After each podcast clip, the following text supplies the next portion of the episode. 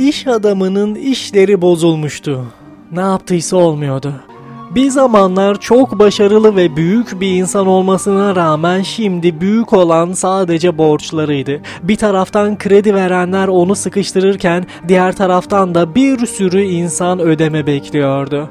Çok bunalmıştı ve hiçbir çıkış yolu bulamıyordu. Nefes almak için bir parka gitti. Bir banka oturdu, başını ellerinin arasına aldı ve bu durumdan nasıl kurtulacağını düşünmeye başladı.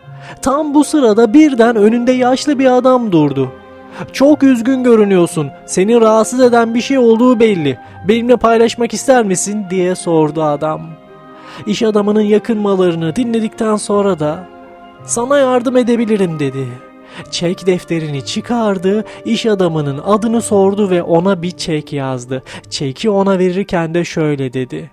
Bu para senin. Bir yıl sonra seninle tam burada buluştuğumuzda bana olan borcunu ödersin. Hadi al dedi ve yaşlı adam geldiği gibi geri dönerek hızla gözden kayboldu. İş adamı elindeki çeke baktı. Çekte 500 bin dolar yazıyordu ve imza ise John Rockefeller'e aitti. Yani o gün için dünyanın en zengin adamına aitti o çek. Tüm borçlarımı hemen ödeyebilirim diye düşündü iş adamı. John Rockefeller'e ait bu çekle her şeyi çözebilirdi. Ama çeki bozdurmaktan vazgeçti. Bu değerli çeki kasasına koydu. Onun kasasında olduğunu bilmenin güveniyle yepyeni bir iyimserlikle işine tekrar dört elle sarıldı. Büyük küçük demeden tüm işleri değerlendirmeye başladı. Ödeme planlarını yeniden yapılandırdı. İyi yapılan işleri yeni işlerini doğurdu ve birkaç ay sonra tekrar işlerini yoluna koymuştu. Takip eden aylarda da borçlarından tümüyle kurtulup para kazanmaya başlamıştı ve tüm bir yıl boyunca çalıştı ve kazanmaya devam etti. Tam bir yıl sonra elinde o bozulmamış çekle tekrar parka gitti. Kararlaştırılmış olan saatin gelmesini bekledi. Tam zamanında yaşlı adamın hızla ona doğru geldiğini gördü.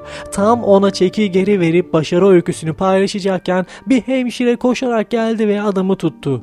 Hemşire, onu bulduğuma çok sevindim. Umarım sizi rahatsız etmemiştir dedi. Çünkü bu bey sürekli olarak huzur evinden kaçıp bu parka geliyor ve buradaki insanlara herkese kendisinin John Rockefeller olduğunu söylüyor diye ekledi. Hemşire adamın koluna girip onunla birlikte huzur evine tekrar geri döndü. İş adamı şaşkın bir şekilde öylece durdu kaldı. Sanki donmuştu. Tüm yıl boyunca arkasında yarım milyon dolar olduğuna inanarak işler almıştı.